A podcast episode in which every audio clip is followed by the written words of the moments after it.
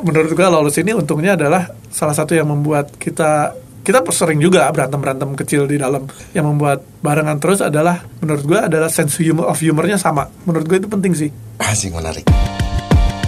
Welcome to Swellcast, a podcast series from Swell Extended Family, where we view the youth culture from career and experience aspects of brand builders and creativepreneurs. Hosted by Danan DNA.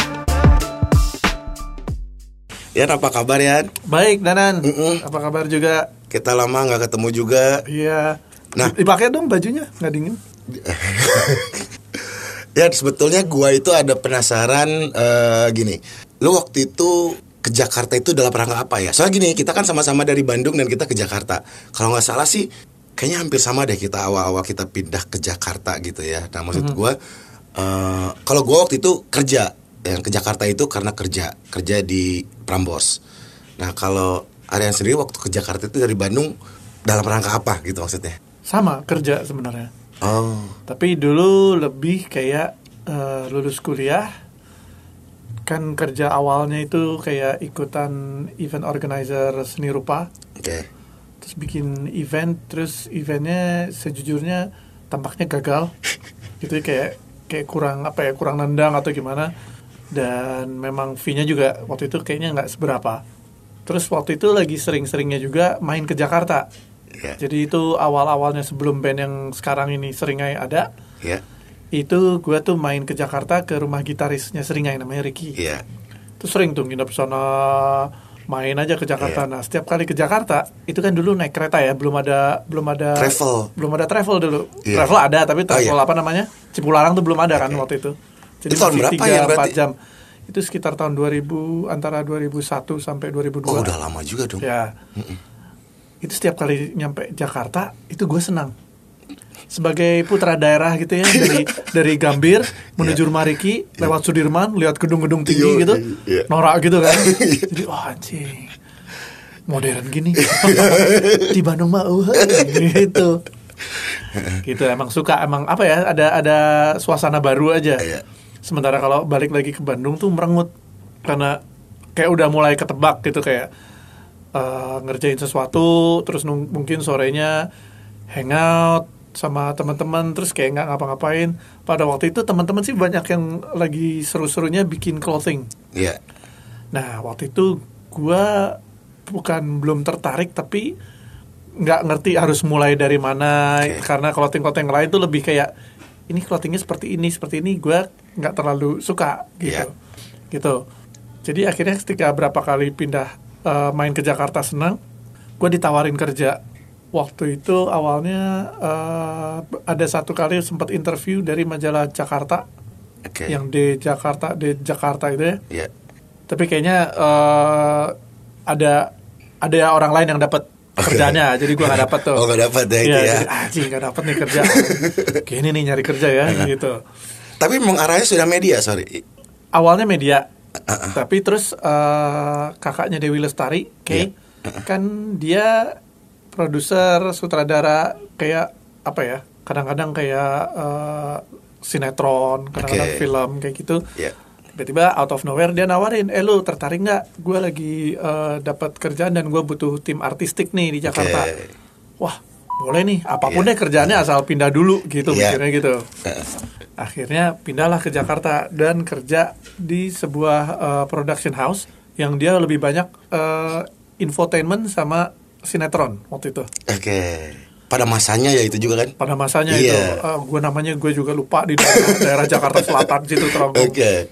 di situ tapi gue seingat gue gue bertahannya tiga bulan doang tiga bulan itu juga kebetulan gue punya teman-teman yang tinggal di Jakarta yang eh sini aja lu barengan gitu Oke. Dan cost gue waktu itu di Jakarta murah banget gue in a way gue nggak bayar tempat kontrak atau cost gue cuman bayar listrik sama telepon Eh, kok itu. bisa? karena punya teman Oh, udah temen ya. ramai teman jadi jadi teman gue ini bapaknya dapat rumah dinas tapi ada 11 kamar Waduh. yang nempatin tuh cuma tiga tiga orang dua teman gua sama bokapnya teman gua Oke. terus gua ke Jakarta sebulan kemudian gua ngajak teman gua juga jadi berlima jadi akhirnya kita emang emang udah temenan lama terus berlima Iya, gitu iya, di iya. Jakarta Ini di Circle Band. Apanya? Ini eh, si ke Jakarta ini awal-awal dari circle band waktu zaman ngeband di Bandung sampai ke Jakarta gitu. Networkingnya networking band bukan dari situ. Apa dari kuliah? Iya, Dari, band kampus? sih. Enggak, dari band. Dari band ya? Dari band. Kalau teman-teman kampus dulu serius eh. Enggak ya. Jadi kayak eh, seni rupang. Iya, Oh, tap- serius. tapi tetap kerjaannya kan desain gitu kan Oh, serius iya. gitu kayak. Oke, oke, oke. Kayak kurang ternyata nih. gitu. Karena dulu gue salah jurusan sebenarnya. Gue tuh siapa? masuk desain produk industri. Oke. Itu gue masuk gara-gara representasi waktu mereka kita baru tingkat satu tuh Iya. desain produk industri itu yang kayak paling menjanjikan. Oh. Pas gue akhirnya masuk, gue nggak suka, Nggak bisa cancel tuh ya? nggak bisa. Nggak bisa ya? Dan gue desain dulu kan seni rupa ada desain dan seni rupa. Iya. Gua tuh se- seni murni, sorry. Iya, seni murni. tuh seharusnya tuh lebih ke seni murni dan gua lebih ke eh, seni grafis. Iya. Kalau gue pikir kalau gue bisa mulai lagi dari awal, gua tahu gitu gue seni grafis gitu. Jadi gua berbekal sarjana desain produk industri, Iya. tapi nggak pernah kepake. Iya, iya, iya. Harusnya di seni cuman murni. cuman sekolah di seni rupa dulu lebih banyak apa ya ekstrakurikulernya terus lebih banyak buka wawasan gitulah Iya, jadi iya. macam-macam dan band kan masih jalan terus kan Mm-mm. jadi antara itu gue masukin situ juga jadi itu networkingnya lebih ke teman-teman SMA dan dan band sih sebenarnya iya. dan waktu gue ada kerja di production house ini tiba-tiba ada tawaran lagi dari majalah Oke. majalah musik Iya. gue juga emang seneng waktu itu kan gue ngelamar juga di Iya. media kan wah ini gue ambil aja nih. Iya. gajinya juga kayaknya lebih oke gitu. Gue ingat gaji pertama gue di production house itu gue cuman sejuta sebulan. Sejuta sebulan tahun 2001 2002 itu lumayan cukup. Maksudnya weekend masih bisa cengengesan. Eh, tapi gue juga ngambil tambahan. Si production house-nya suka lagi kalau lagi bikin sinetron itu suka perlu ini eh, apa ya Cameo lagi. bukan cameo. Kalau cameo kan lu punya nama, lu cameo. Oh iya, figuran. ini figuran doang. Iya, iya, Nah, figuran. ini lumayan figuran. Tapi dikasih ada karakternya. Jadi Iya. eh, selalu ada ada lumayan lah gitu. Oke. Itu sekali main tuh dapat 500 ribu. Oke, zaman dulu ya. Jadi total-total tuh gua gaji sejuta. Kan sinetron suka cepet tuh ya. Iya. Jadi sebulan tuh bisa ada tambahan 1,5 gitu. Iya, Jadi iya. selama tiga bulan itu gue gitu-gitu aja. Tiba-tiba dapat tawaran media. Ah gue ambil ini lebih lebih seru kalau Hmm. di sinetron tuh suka pagi harus uh, standby subuh, Iya. pulang paling malam, gajinya segitu gitu. Iya. Gue pikir gitu kan. Tapi lo ikutin ya waktu itu ya? Hah? Ikutin, diikutin aja Ikutin begitu. karena gue pengen pindah ke Jakarta. Iya, iya. Oke. Waktu itu gue udah lagi stuck di Bandung jadi kayak ah gue pengen suasana baru. Iya, iya. Rutinitasnya udah ketakar di Bandung mungkin waktu itu Benar, begitu ya dan benar. pengen Lu banget pasti ke Jakarta. merasakan begitu kan? Kurang lebih. Iya. Nah pas di Jakarta udah media gue keterima di media. Mm-mm. Itu medianya sebetulnya media majalah musiknya MTV. Namanya MTV Tracks. Oke. Tapi berapa tahun kemudian, setahun atau dua tahun kemudian si MTV-nya cabut, jadi namanya Tracks Magazine aja. Iya. Di situ empat tahun majalah musik, terus gue pindah, gue jadi eh, managing editornya di Playboy waktu itu. Oke. Karena manaj- man- managing edit, eh, editor in chief gue Mm-mm. di Trax dulu cabut, pindah, terus dia ngambil ke- eh, ketemu investor dan ngambil Playboy Indonesia Oke, waktu itu. Hagi. Eh, bukan, Erwin Arnada. Erwin Arnada. Waktu Trax Hagi ya. Trax Apa- Hagi. Hagi sebenarnya ada di Playboy, tapi dia nggak mau namanya masuk gitu, keluarga.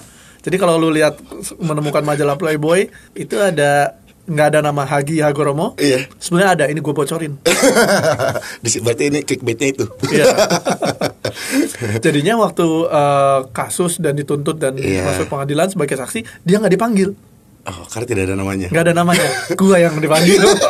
oh, lu tuh bener dipanggil ya, Nek? dipanggil Soleh, dulu. Soleh. Soleh dipanggil gue, Soleh. Semua kredit title di situ. Iya, ya rata-rata yang artistik sama yang editorial lah. Hmm. Kalau marketing kayak gitu kan enggak. Iya, iya, iya, iya, iya. Mas Erwin Arada dan akhirnya kan kita tahu semua Mas Erwin waktu itu masuk kan. Eh, dan setelah eh, Playboy itu itu sekitar 9 bulan bertahannya Iya. di Indonesia kan. Tapi apa yang membuat lo play, kan ini dari tracksnya musik nih sesuai dengan karakternya. Tiba-tiba Playboy itu seru aja atau gimana? Challengingnya apa gitu ya? Challengingnya adalah si Hugh Hefner itu waktu ya waktu itu kan dia masih hidup, dia pingin eh, membuat versi Playboy yang nggak ada nude-nya. Karena dia, menurut dia itu Playboy magazine itu isinya lebih dari sekitar sekedar foto-foto nude dan foto-foto artistik. Karena kalau di luar sendiri orang tahu interview Playboy itu salah satu yang terbaik di Iya. jurnalistik gitu kan. jadi dia pengen itu gitu dan ya selama Playboy juga emang awalnya orang-orang meremehkan ya lah eh, jurnalis-jurnalis musik tracks gini mau masuk Playboy yang yang tahu jurnalistik ya Iya, iya. emang bisa gitu Oke. Ternyata bisa. Emang bisa, kita emang kita suka gitu kan. Kita suka emang jurnalistik.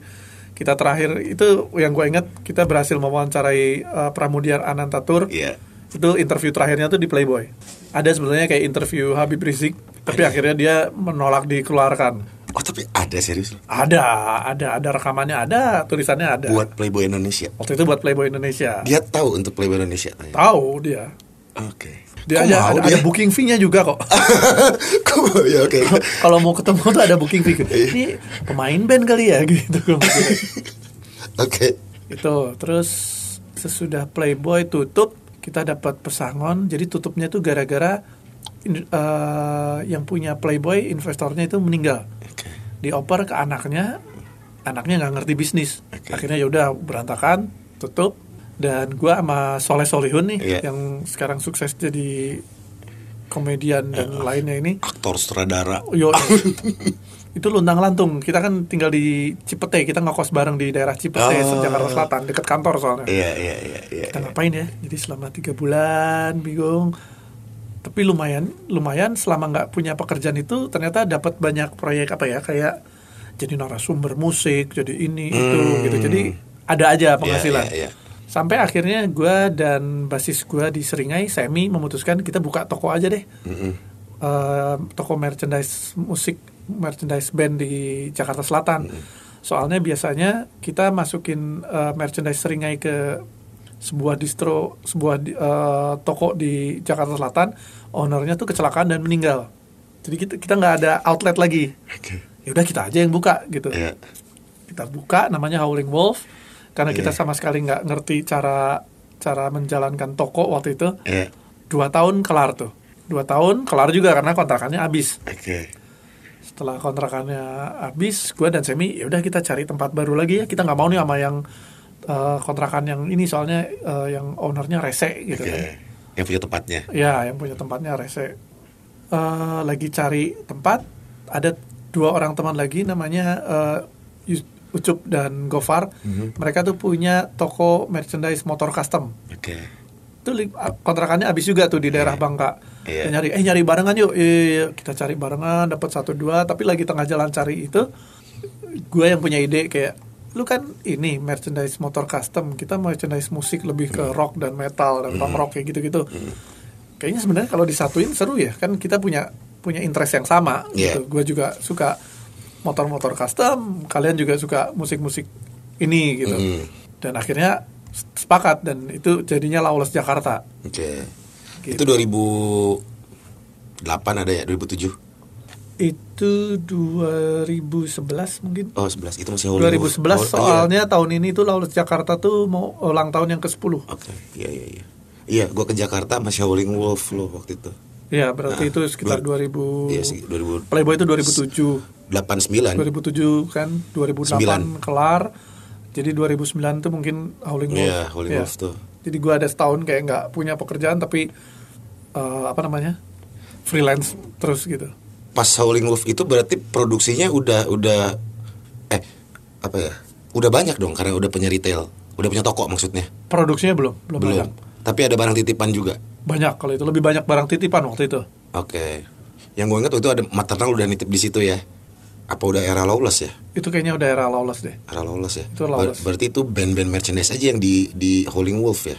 iya Ya ya ya ya. waktu itu belum terlalu jadi brand ada satu dua eh, t-shirt yang kita rilis tapi nggak nggak masif lah Hmm. Oh malah banyaknya barang titipan di situ ya. Iya Di situ lu ngedesain semua sendiri Howling Wolf gitu ya. ya di situ kita belajar kayak ini emang harus punya brand sendiri sih kalau mau lebih cuan Oh, Oke. dan pas lawless itu ada sahabat gua dari SMP SMA namanya Roni Mm-mm. dia tertarik dia seneng Ini TB juga berarti ya? Iya dia terima bakti dulu. Ah. Dan dia pengen gabung. Mm-mm. Ya udah gue ajukan eh, gua oper ke anak-anak. Oh ya udah ayo. Ak- Jadi akhirnya Lawless Jakarta tuh berlima. Oke. Dan bagusnya berlima itu kita bagi-bagi tugas akhirnya. Ah. Yang waktu di Howling Wolf itu agak keteteran. Iya. Jadi gue bisa fokus ke artistik, desain dan produksi. Semi lebih ke marketing, Hmm. terus Roni itu lebih kayak ke keuangan, Iya. eh, Ucup tuh lebih ke HRD Oke. dan lain-lain. Kalau Gofar waktu itu dia mulai naik daun gara-gara dia sering nge-tweet, Ya. eh, nge-tweet eh, apa waktu itu yang kayak Iya. eh, pakai sarung itu loh. Iya iya iya iya. Era Twitter itu ya. Iya karena Twitter dia mulai viral, terus dia mulai bikin buku, terus dia uh, dia Gofar jadi penyiar hard rock Iya. dan yaudah dia udah jadi kayak uh, announcer sama sama influencer tuh. Iya. Kalau jadi dia lebih fokus ke situ, sementara empat yang lain tet- tetap fokus di Lawless Jakarta. Oke. Nah kalau lo sendiri produksinya ada season gitu atau gimana sih? Kalau clothing ya, Kalau clothing ya. seasonnya. Eh, clo- clo- lawless as clothing. iya. Oke. Lawless Jakarta tuh kan uh, apa- macam-macam. Mm-mm. Yang pertama tuh awalnya kita uh, clothing brand sama lifestyle yang uh, apa ya? Yang kita suka ya musik, ya motor kayak gitu. Jadi kita punya ada Lawless Garage, Heeh. ada bengkel custom tuh di daerah Depok. Terus ada sebenarnya Lawless Tattoo tapi Lawless Tattoo tuh bukan punya kita, itu namanya aja Lawless tapi manajemennya keuangannya itu beda sendiri. Oh, Jadi oh, ya? namanya aja sama tapi karena waktu itu biar satu image aja. Hmm. Tapi sekarang udah udah pindah tempat nggak di compound si Lawless lagi. Oh iya iya iya. Itu semua desain artistiknya apa visualnya si kaos-kaosnya itu dari lu semuanya itu. Itu ya gue yang kurasi. Kurasi berarti Jadi memang gue lu akhirnya pekerjaan gue di Lawless Clothing itu banyak kayak memanage para ilustrator. Oke. Memanage para ilustrator, terus kayak eh, karena gue sendiri ilustrator, Iya. jadi gue membayar mereka dengan baik lah istilahnya. Oke. Kan Iya. banyak yang kayak upahnya rendah gitu Iya, ya, iya, kalau iya, bisa iya, dibilang iya, gitu. iya. Nah gue nggak, Oke. karena hitung-hitungannya buat fair kayak, let's say lu bayar eh, mereka kayak fee lu berapa, empat ratus ribu mas gitu. Ya mungkin sebetulnya secara bisnis ya udah ambil aja dia yang minta empat ratus ribu. Tapi gue nggak pengen ngasih empat ratus ribu soalnya kalau gue ngasih empat ratus ribu ya udah gitu aja. Oh. Iya, iya. Tapi kalau kita ada budget antara tergantung kualitas ilustrasinya, kita ada budget antara satu setengah sampai dua setengah. Oh, Oke, jauh. Oke dong. Jauh. Oke dong. Kalau misalnya ilustrator itu dikasih bagus ya bagusnya kan mereka bisa tambah beli alat. Iya. Jadi si karya karya ini juga jadi lebih maksimal Iya. juga. gitu Trigger kan. jadi bisa improvement juga dia Iya, ya. Gitu. Nah itu ilustrator ada sampai berapa yang yang lu kelola untuk menyumbang desain buat si Lawless ini? Macam-macam sih dan nggak hanya untuk lawless sih. Seringnya juga lawless dan juga ada merchandise band kan seringnya sering perlu. Jadi mungkin bisa antara 5 sampai 10 Oh banyak ya. dan bisa ganti-ganti. Ilustrator di sini tuh ya eh, ada yang ada yang bagus banget, Mm-mm. tapi ada yang terlalu seniman. Nah gimana yang kayak terus terlalu seniman tuh? seniman tuh akhirnya lebih ke mood bikin karya tuh tergantung mood terus nggak jarang banget bisa eh, bi- eh, apa namanya taat sama deadline Oke. iya, padahal iya. menurut gue itu juga waktunya biasanya gue kasih eh, waktu antara dua minggu sampai sebulan untuk satu desain satu desain ilustrasi itu. ya itu itu sebenarnya udah cukup tapi ada juga yang sampai tiga bulan empat bulan ditagi-tagi ya? nggak kelar-kelar It- Nah, itu karena biasanya seni, seniman itu ya. ya akhirnya ya gue nggak nggak pakai lagi Oke. soalnya ya kan gue juga harus produksi Betul gitu betul. kan Ada Gitu. timeline. iya ada timelinenya Nah kalau ilustrasi itu di Indonesia kan itu banyak nggak ya gitu? ilustrator Iya banyak ilustrator. banget Nah yang lu ini banyaknya di kota besar kah apa di banyak di daerah juga? enggak di mana-mana Di mana-mana ada. di mana-mana Tersebar. sekarang kan maksudnya udah ada banyak sosial media jadi Iya. kayak eh, lu post karya lu di Uh-uh. Instagram terus kadang-kadang muncul di feed lu Iya. atau muncul di explore lu Iya. gitu jadi lu kan pengen tahu terus ntar lu tinggal kontak oh ternyata pas minta alamatnya buat alamat lu dari mana dari dari entah dari Palu ada yang dari Jawa ada yang dari Palembang misalnya bisa dari mana-mana sih Oh, oh lu dapetnya juga kadang-kadang dari IG Explore dan kawan-kawan itu ya? iya dari sosial media Di sosial media ya? Iya. Oh, dan lu bisa langsung kontak mereka gitu ya? iya Oh, seperti itu ya. Itu promising juga ya? Maksudnya emang lu caranya seperti itu gitu atau memang biasa kan rata-rata mungkin cari yang kenal dulu ya? iya Heeh, gitu. Jadi memang lu kurasinya berdasarkan dari sosial media itu ya? Iya. Dan lu coba ada Iya. deadline kasih. Ada yang ya maksudnya itu juga ada yang berhasil ada yang enggak kan Hmm. maksudnya ada yang sampai sekarang masih kayak langganan Mhm. gua butuh cepet oh gua artinya harus order ke Iya, iya. Si A, siapa nih? ah. Ah, si A karena dia bisa tiga hari kelar Tiga hari gitu. kelar. Si A di Palu tiga hari kelar. Oke ini gitu Iya. ya. Eh, oh gitu. Nah terus briefnya biasanya gimana tuh yang lu ngebrief merekanya? ilustrator. Iya. Iya biasanya sih udah ada konsep, jadi gue kasih referensi-referensi, terus mereka kasih sketsa satu dua, terus nanti di kita revisi atau kalau udah oke ya kita ACC ya udah jadi. Oh, itu dalam proses dua minggu deadline itu apa Enggak, dua minggu itu setelah udah final semua eh, nggak final dari sketsa lah. dari sketsa ya? Iya. Oke gitu prosesnya ya. Nah terus eh, Gue juga sebagai ilustrator, gue juga nggak suka disuruh revisi terlalu banyak, jadi gue juga ngasih revisinya sekali aja dan emang kalau ngebrief tuh harus lebih jelas supaya mereka nggak lari. tiba-tiba salah gitu. Heeh. Tapi pernah ada yang udah briefnya benar tiba-tiba nggak sesuai gitu. Jarang sih. Oke semua ya. Iya. Berarti brief lu nya lengkap ya kayaknya. Ya, Lu let's say, let's say dari 50 uh, commission yang gua kasih, Ya. yang yang akhirnya nggak kepake mungkin ada satu, dua, Hmm. tiga, Itu tapi udah jadi udah jadi karyanya atau emang karena deadline aja? udah jadi. Oh udah jadi ya. Itu nggak masalah, tetap dibayar atau bagaimana? Oh, gue selalu bayar sih. Oh Bayar. tetap ya. Pokoknya karya udah jadi bayar gitu, maksudnya kepake atau nggak kepake. Oh oke. Jadi si ilustratornya bukan ilustrator yang wah gua nggak karya gua nggak kepake jadi nggak gua gua nggak dibayar nih gitu nggak nggak nggak pernah. Terus kebayang ya mereka pas begitu lu kontak lu DM gitu ya. Mereka rata-rata responnya kayak gimana ya? Ah, Wow, gitu. Enggak sih. Mereka juga udah ter- udah biasa. Apa juga gempur, kan. apa gemper gitu? Enggak sih. Udah biasa sih Udah rata-rata biasa ya. ya. Emang profesi mereka ya ya begitu. Biasanya kan ada wah Ada satu dua yang gue seneng liatnya berkembang jadi maksudnya bukan karena gue gitu tapi kayak gue selalu ngikutin karyanya. Mm-hmm. Awalnya dia masih kliennya belum banyak, sekarang tambah banyak dan Mm. sekarang dia kayak jual art print di eh, luar negeri Mm-hmm. gitu itu mantep sih itu. Hmm. Nah yang oh berarti rata-rata mereka itu salah satu banyak yang art print art printan gitu ya. Kalau kan juga suka jualan gitu kan, Iya. Ya kan? Ya kalau kalau internasional kan memang jual art print, Iya. jual silk screen print Iya. gitu kan. Kalau di sini mungkin gue bisa bilang menuju ke sana. Menuju ya. Iya, soalnya orang masih melihat poster tuh kayak poster dihargai seratus ribu, ah apaan seratus ribu mahal banget gitu kadang-kadang begitu. Iya iya iya iya. iya. Tapi sekarang orang udah mulai mulai mengerti dan ya value-nya juga jadi Nah, si ilustrator yang lain itu ada yang menjual seperti itu juga. Tadi lu Gimana? bilang si ilustrator yang lainnya itu ya, itu tuh emang eh, tadi lu bilang banyak kliennya. Nah, kalau yang ilustrator yang ini yang gaya-gaya lu ini tuh sebetulnya kliennya yang kayak gimana sih, macam-macam bisa ada clothing, bisa kalau lokal rata-rata buat clothing atau cover album misalnya. Hmm, cover album bener. Iya iya iya. Eh, tapi untuk keluar sih udah bisa macam-macam sih, bisa art print, bisa ya pameran. Exhibition ya. Iya. Oke. Exhibition itu biasanya ada sponsornya nggak sih? Atau biasanya setiap seniman itu atau ilustrator itu dia Di bikin luar. sendiri? Enggak, kadang-kadang juga eh, pameran di Amerika misalnya. Mm-mm. Dia kirim karya. Hmm. Kadang-kadang malah mungkin dia kirim file. Di sana Yang- dieksekusinya di ya. sana yang printnya gitu misalnya. Kalau sablon ya beda lagi.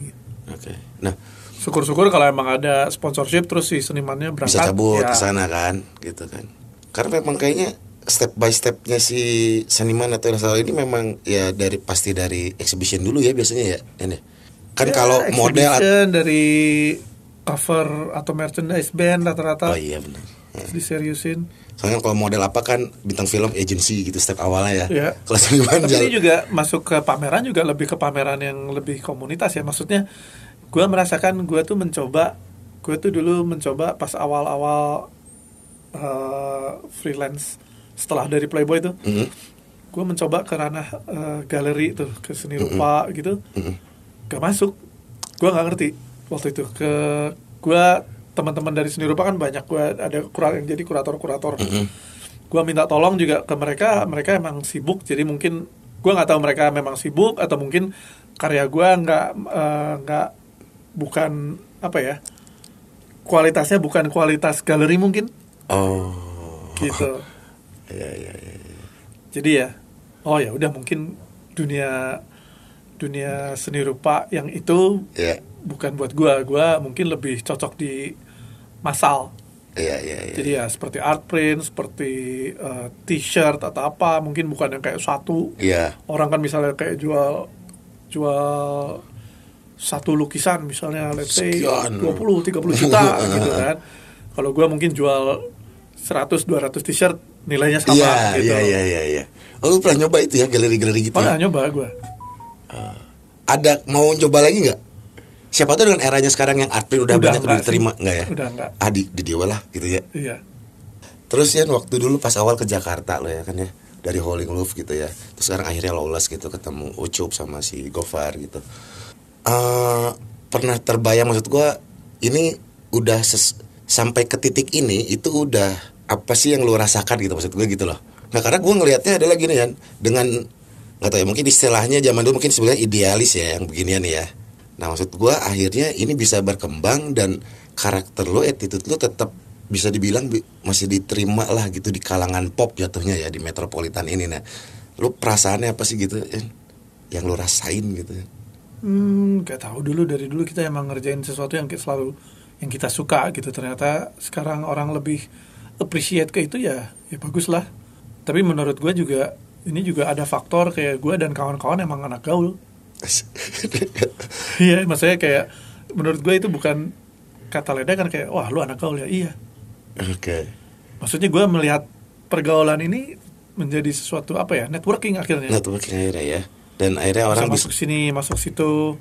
oke tapi terbayang sampai titik ini Terbayang apa nih? terbayang wah akhirnya gue sampai titik sini nih yang akhirnya karakter gue ini bisa diterima gitu Oh, halayak umum loh lebih ke ke mana aja lu? iya juga ya Ke mana aja? Dari dulu kita di sini, ke mana Iya. aja lu gitu. Legeknya. Tapi ya emang gitu sih. Iya gitu. Maksudnya nggak gue tuh ngeliat gitu ya dari gorong-gorong gitu ibaratnya kan ya Howling Wolf apa semuanya gitu harian gitu kan dengan ilustrasinya artworknya gitu kan. Terus sampai akhirnya merambah bergerbar apa dan kawan-kawan dan udah apa ya ya gue sih menyebutnya udah masuk ranah pop kan Iya. ya kan? Dan itu menurut gua keren banget. Maksudnya di mana lu bisa mempertahankan eh, karakter lu tapi bisa diterima dengan mudahnya gitu kan menyenangkan Jadi sekali yang gitu menarik mungkin pas waktu awal kita mau buka Lawless Bergerbar. Mm-mm. Sebenarnya uh, kenapa kita buka Lawless Bergerbar itu juga bukan karena pemikiran panjang juga. Hmm. Awalnya itu di ruko di Lawless Kemang ini Mhm. kita kan ada lima ruko tuh ada lima Iya. ruko kita udah ambil dua tuh tadinya satu terus sebelahnya pindah ya kita besarin dikit Iya. ambil lagi satu terus di sebelahnya tuh bekas kafe dan galeri Hmm. Akhirnya tutup juga kosong dan partner gue si Roni kita bikin apa ya udahlah gue ambil dulu kita mau bikin apanya belakangan Kumengke ya. secara bisnis itu nggak bagus kan Kumengke aja gitu ya. tadinya awalnya gue pikir bikin galeri alternatif kali ya Oke. karena waktu itu gue ingat kan kayaknya karya-karya yang non galeri seni ini Iya. masuknya ke sini Ya, mungkin gitu. diwadahin gitu ya. gue ngerti kurasinya tapi gue nggak ngerti si bisnisnya Oke. jadi gue ini bisnisnya gimana ya Iya. gitu gue nggak ngerti mikir-mikir gue dan teman-teman akhirnya apa buka bar aja ya Hmm. bar kan kita emang kita senang ke bar kita senang minum kita buka bar aja tapi kita nggak ngerti regulasinya Iya. dan mahal murah regulasinya kita nggak ngerti yaudah gimana kalau kita bikin tempat kayak eh, burger joint Hmm. tapi yang bisa jualan bir Oke. sambil di situ kita cari tahu gitulah Hmm. dan emang kita semuanya suka makan gitu ngulik Oke. gitulah kalau makan dan akhirnya eh, kita coba ngajak eh, partneran sama kita kita nggak ada yang tahu nih soal soal F&B, kan ya. partneran sama siapa ya yang tahu gitu Iya. kita ngajak temen yang sekarang eh, waktu itu anak motor juga dia punya flip burger Oke. Tapi kita ajak mungkin dia lagi konsentrasi dengan flip kan Flip, jadi dia ya. nggak terlalu interest. Jadi kita eh, ajak siapa ya? Ternyata kita baru ingat ada seorang teman namanya Medi. Hmm. dia dulu punya eh, distributor sepatu fans yang import import maksudnya eh, sepatu fans yang nggak ada di toko biasanya yang, yang Jepang atau yang kolaborasi gitu kan. Wah ajak dia aja karena dia sempat bisnis F&B di Semarang steakhouse dan di Cipete juga ada kayak eh, tempat makan namanya Carne jadi lebih ke barbecue gitu. Iya. brisket. Oh dia aja ajak dia ternyata Medi wah iya s- rame nih. Hmm. ayo gua mau. Jadi kita food tastingnya aja di Carne di Cipete itu Hmm. food tasting berapa kali? Kayak ada dua bulan mungkin kita ngetes eh, burger-burger yang udah dicobain. Dan akhirnya udah buka tuh Lawless Burger. Dan konsepnya kita pinginnya kayak rock bar sebenarnya. Jadi kayak uh, visualnya juga uh, kayak uh, bar-bar rock di Eropa Amerika musiknya juga rock dan metal gitu. Teman-teman dari yang udah duluan di F&B nanya lu yakin mau buka mau buka restoran tapi musiknya kayak gitu? Wah, itu ini lagi uh, susah tuh gitu. Iya. orang tuh mau kalau makan tuh maunya yang yang apa ya yang aman-aman aja lah Iya. istilahnya. Keluarga orang tua gitu kan. Masa sih ah udahlah terusin aja emang kita sukanya gitu jadi Iya, oh gitu. iya. jadi kayak kalau lu udah pernah ke Lawless Burger Bar itu banyak poster ada Iya. flyers flyers fotokopian yang kita tempel ada musik yang kita kurasi orang yang emang ngerti dengan musik metal dan punk rock ke situ dia pikir ah anjing ini tempat terkurasi nggak bukan asal yang Iya. kayak flyers apa gitu nih orang pasti suka dengan musik ini gitu Iya, kan iya. gitu sih sebenarnya Jadi tergolongnya dan ternyata berjalan gitu aman edan. Ya. Jadi edan sih bisa dibilang gitu kan. Yang datang hijab-hijab juga ada banyak ya. macam-macam siapa itu kalau udah eh, sebenarnya kalau udah F&B kan yang penting tuh asal produknya yang lu tawarkan yaitu makanannya Si materinya itu ya. enak itu eh, banyak yang suka Iya. itu udah aman kalau udah branding image-nya atau apa itu datang barengan tapi itu bisa mau itu bagus banget cozy wah tapi makanannya nggak enak ya orang nggak akan balik Iya. lagi Iya, iya benar-benar. Nah ini kebetulan makanannya enak, orang balik lagi dan ada beberapa tipe eh, customer yang datang ke Lawless Burger Bar. Mm. Itu ada yang memang udah tahu image Lawless, Iya. suka musik yang ditawarkan, Mm. image-nya suka dan suka makan. Begitu ke sana udah ini tempat gue. Ah. Gitu ada bir, ada burger, ada musik metal, rock gitu. Aing ya gitu. Iya kan. udah. Jadi kayak biasanya gue kalau ke bar musiknya mungkin jedang jedung Iya. atau mungkin lebih ke top 40. Sekarang nggak ada ada pilihan lain. Hmm.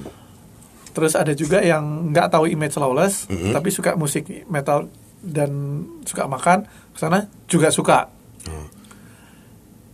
Ada yang eh, orang awam yang nggak dengerin musik rock misalnya Iya. sama sekali datang ke sana, tapi dia dapat eh, apa ya eksperimen yang wah ternyata begini ya bar eh, burger bar t- t- musik rock, Iya. gua jadi merasa rock banget nih gitu hari ini gitu. Adrenalin memuncak. Iya, jadi lebih adrenalin gitu kan. Tapi ada juga yang eh, nggak suka nggak suka musik itu datang suka makanannya tapi nggak nggak nggak tahan dengan musiknya misalnya Iya, atau ambiennya iya, gitu iya, kan. mungkin. Itu biasanya ah ini gua delivery aja deh gua nggak tahan kalau duduk di sini. Oke. Menurut gue itu bagus karena kalau lagi penuh jadi lu make way make space. Iya, iya, iya. Lu cuman makan cabut, eh kosong. Gue Iya, sih iya, orang iya. diganti orang gitu. Iya, iya, iya. Jadi ya tetap tetap menang sih gitu. Iya iya.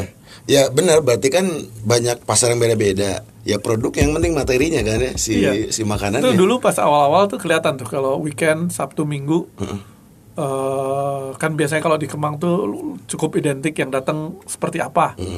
Lebih muda, terus kadang-kadang rata-rata kayak anak band Iya. atau kayak gitu.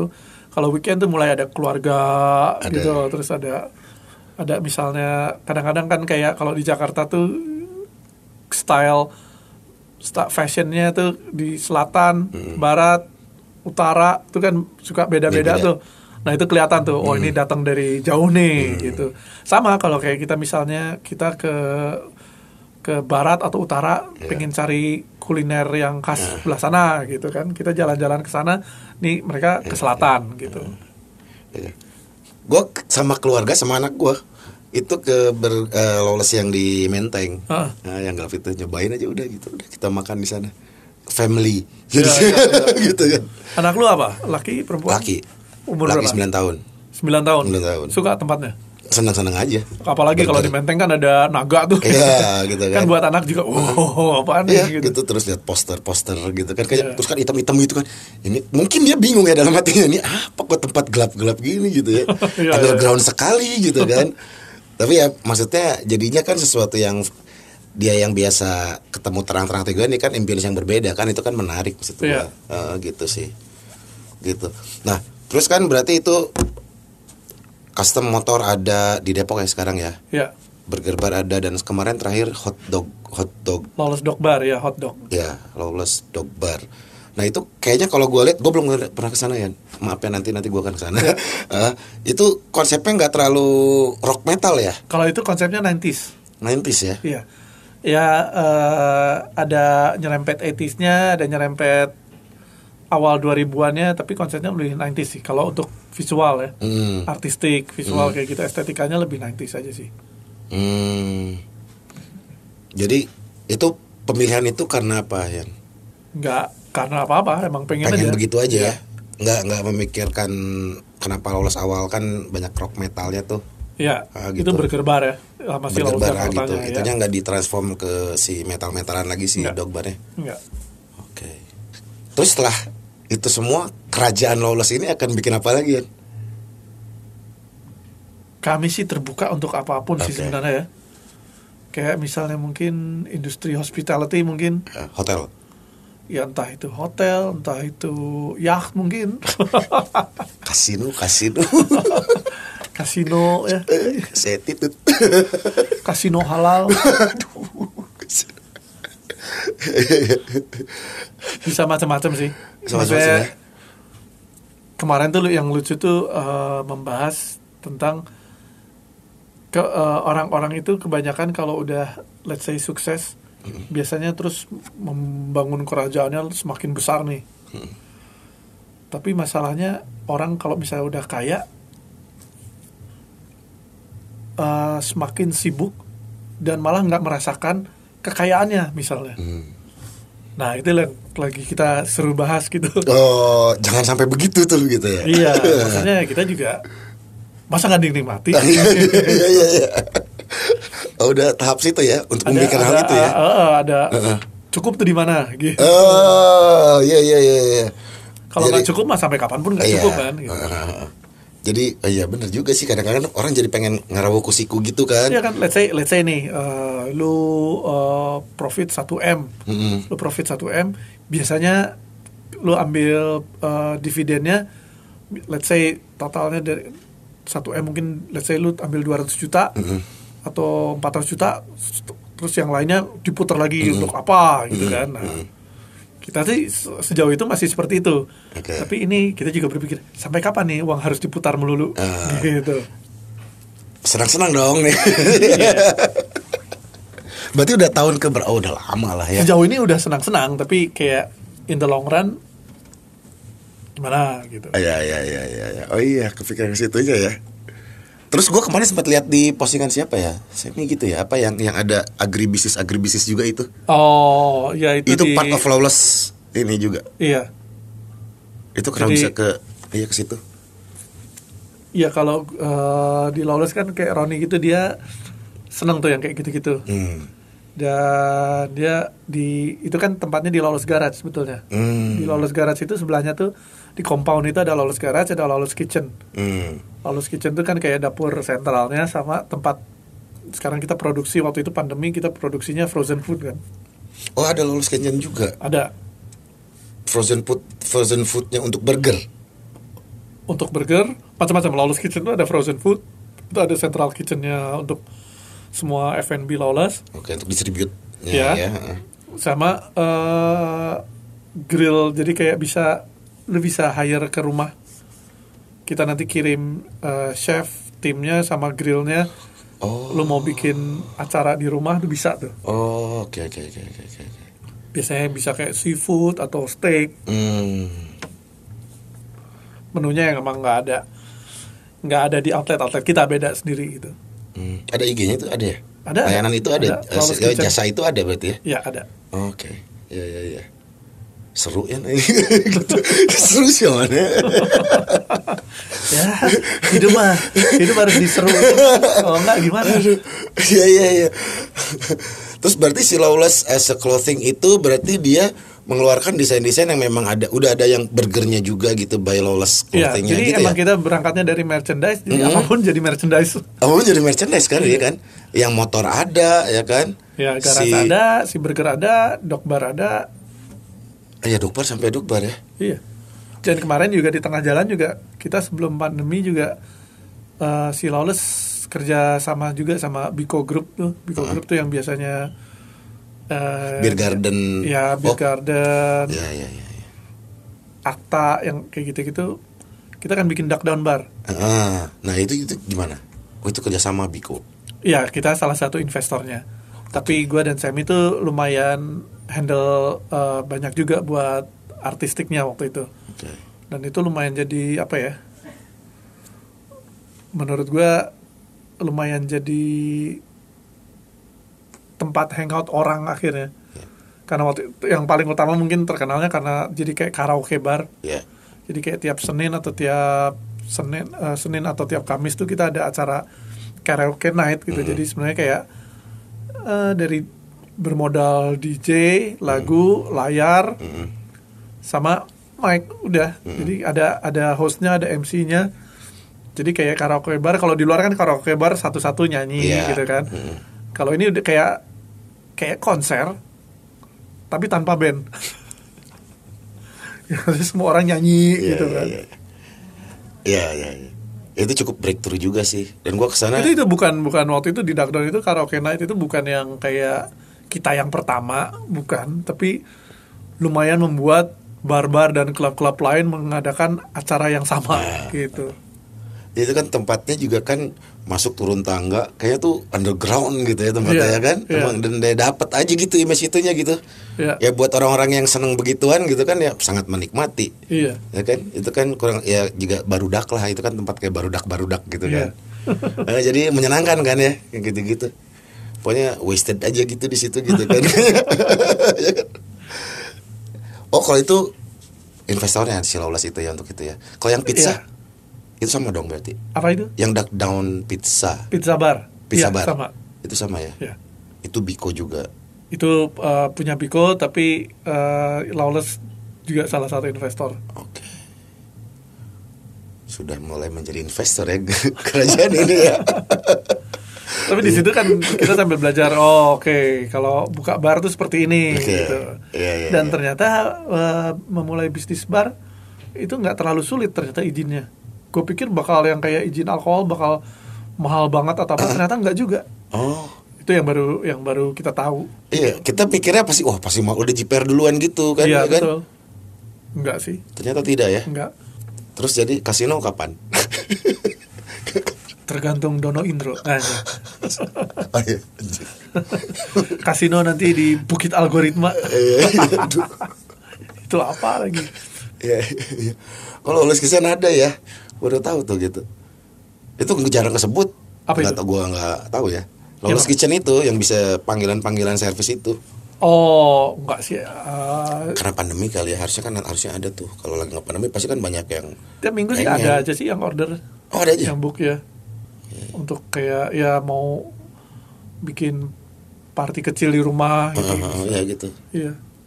Berarti ya ada daging itunya ya, daging daging si burger barnya ya. Itu tapi seafood juga ada, lobster, udang. Bener-bener menu yang nggak ada dari chef Medi. Iya. itu menu-menu dia juga.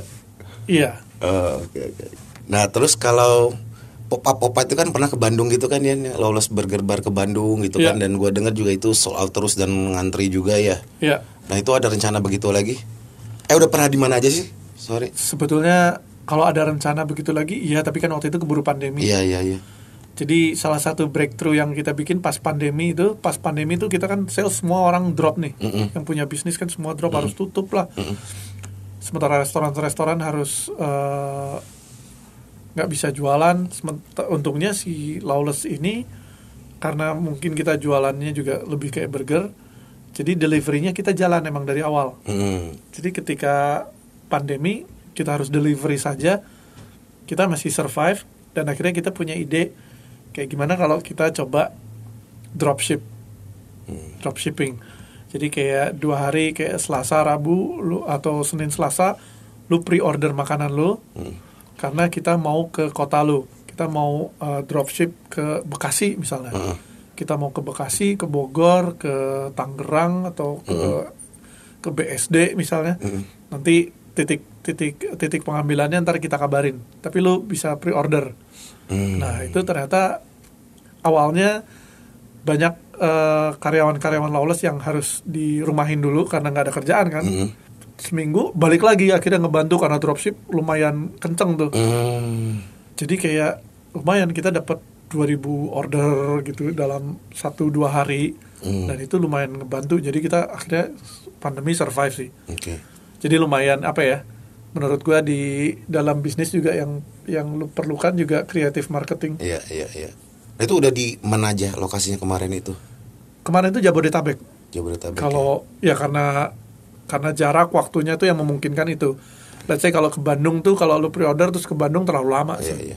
itu juga orang-orang juga nggak ada yang komplain kok makanannya dingin ya emang ini pre-order kan gitu Hmm. Nah, itu bentuknya pas di kota tersebut misalnya di BSD itu ya, itu Iya. apa bentuknya, fisiknya gimana? kita kerjasama dengan eh, misalnya ada toko temen misalnya tempat parkirnya kita lu tolong ini kita mau ada pickup gitu Hmm.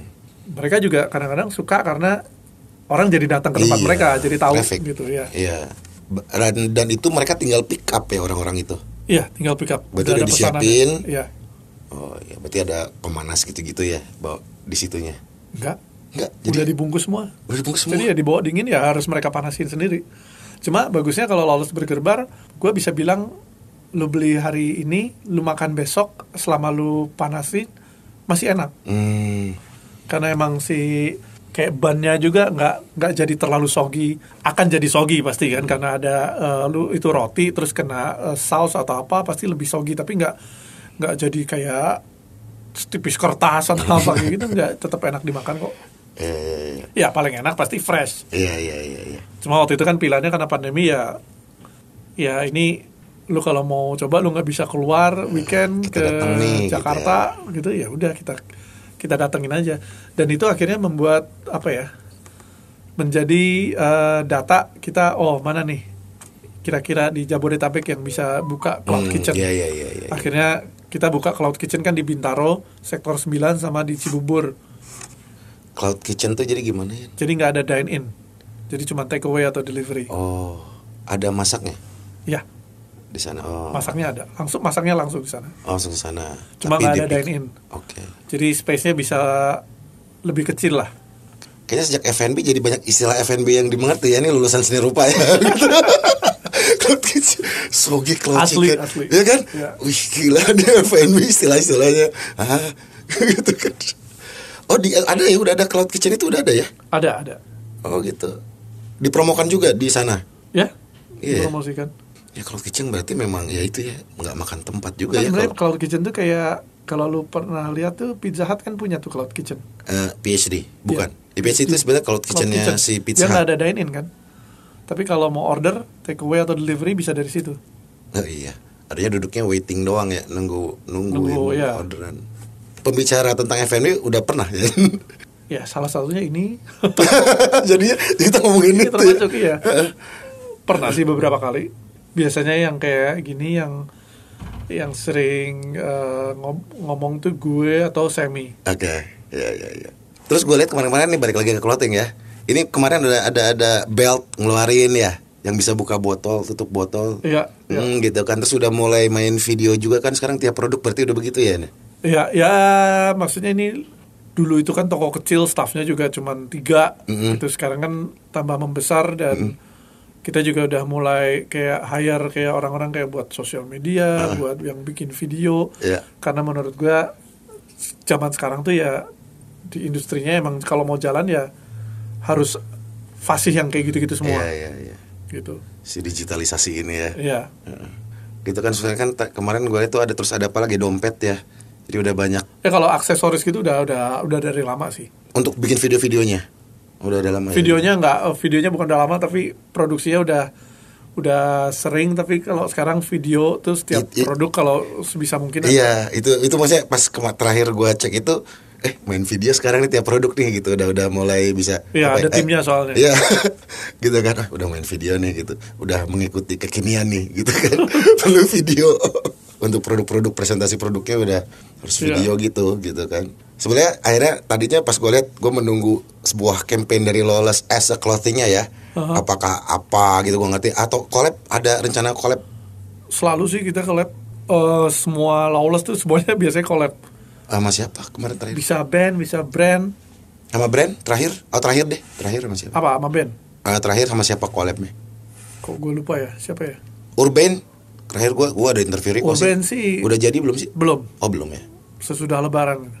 Oke. Ya itu dengan brand kan. Heeh. Kita dengan Mercedes juga pernah. Oke. Maksudnya dari kelas Mercedes, kelas Urban sampai kelas ya macam-macam kita pernah sih selama kita seru nih kayaknya ngerjain Iya, iya. gitu. Kalau lolos megang lisensi band sering-seringa ya, itu ada main merchandising Enggak. lisensinya enggak? Enggak. Memang Band seringai aja. enggak, enggak. Apa seringnya sendiri aja? ya? Enggak, kita distribusi eh, merchandise band iya, tapi kalau kalau ngambil lisensi band-band gitu enggak sih. Oh. Soalnya dengan si brand sendiri udah lumayan sibuk sih. Jadi emang enggak enggak banyak ngambil yang kayak gitu. Iya, iya, iya. Iya, Iya, maksudnya tadinya karena udah banyak video nih berarti kan eh, kayaknya udah mulai deket ke arah-arah campaign nih gitu. Pengen nunggu gitu. Ini Lawless mau campaign apa dengan berbentuk audiovisual ini ya gitu kan. Iya, Mena- iya gitu gitu. Jadi akhirnya wah menarik nih pasti nih apa yang mau dikampagnein nih gini. Dulu ada Gitu sih. pernah produk yang kita punya line bukan se eh, bukan line sih, apa namanya? seri. Sistem nama, seri namanya Lawless Vomit Crew. Heeh. Kita bikin produk itu, Ya. tapi untuk membuat produk itu itu kami bikin lagu, Mhm. bikin lagu dan bikin video klip. Ya. Dan lagu itu cukup hit Mhm. sampai akhirnya menunjang si merchandise-nya. Padahal emang tujuannya kan emang kita jualan merchandise line ini, Hmm. tapi kita bikinin soundtracknya. Iya, iya, iya, iya, iya. Gitu. Jadi ya lumayan sejauh itu sih gitu. Iya iya iya. Iya itu iya gue tahu tuh. Ya itu ada Gofar gitu-gitu juga kan yang jackpot- jackpotan juga kan Homit Iya. Crew itu kan. Iya. Iya iya. Gue ini ngeliat-ngeliat itu kok.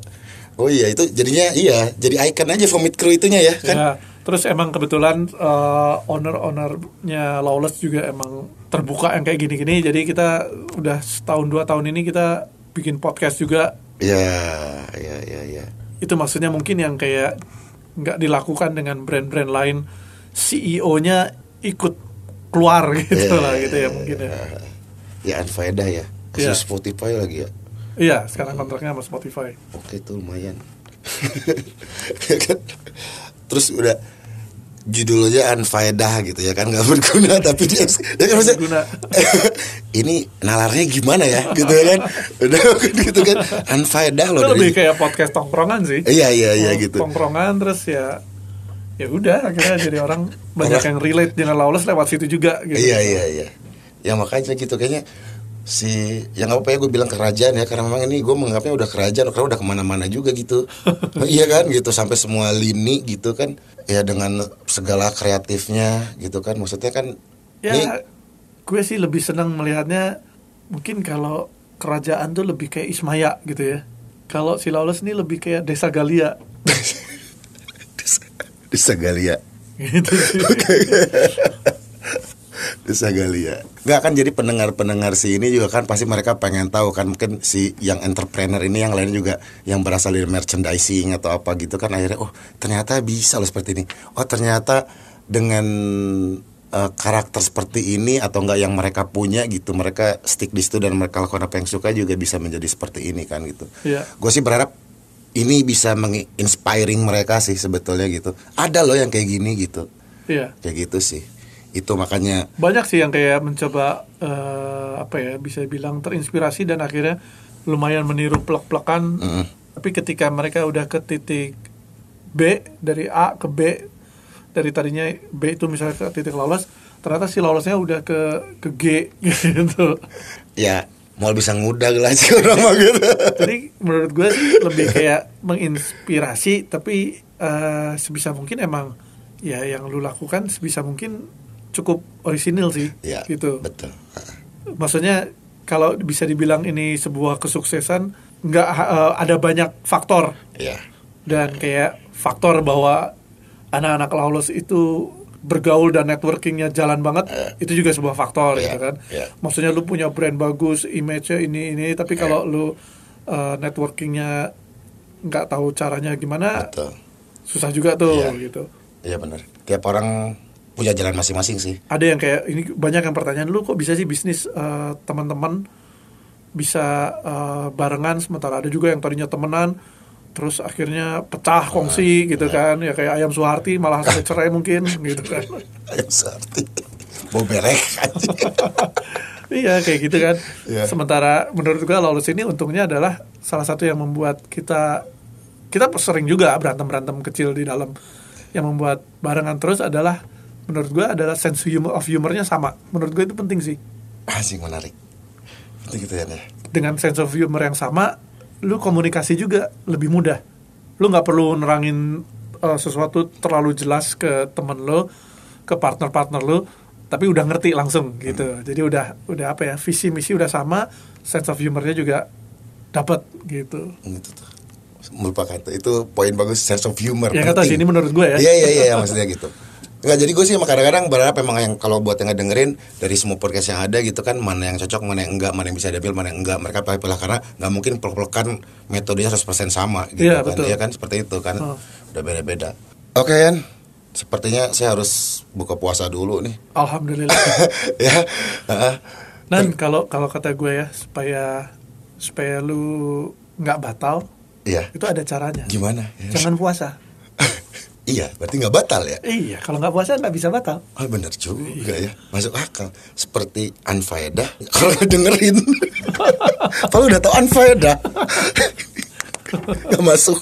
Ya, ya non pesannya waktunya ya nih Oke, Terima kasih ya. Sukses Siap. selalu ya. Siap, sukses Ya juga. Desa Galia hidup. Ya.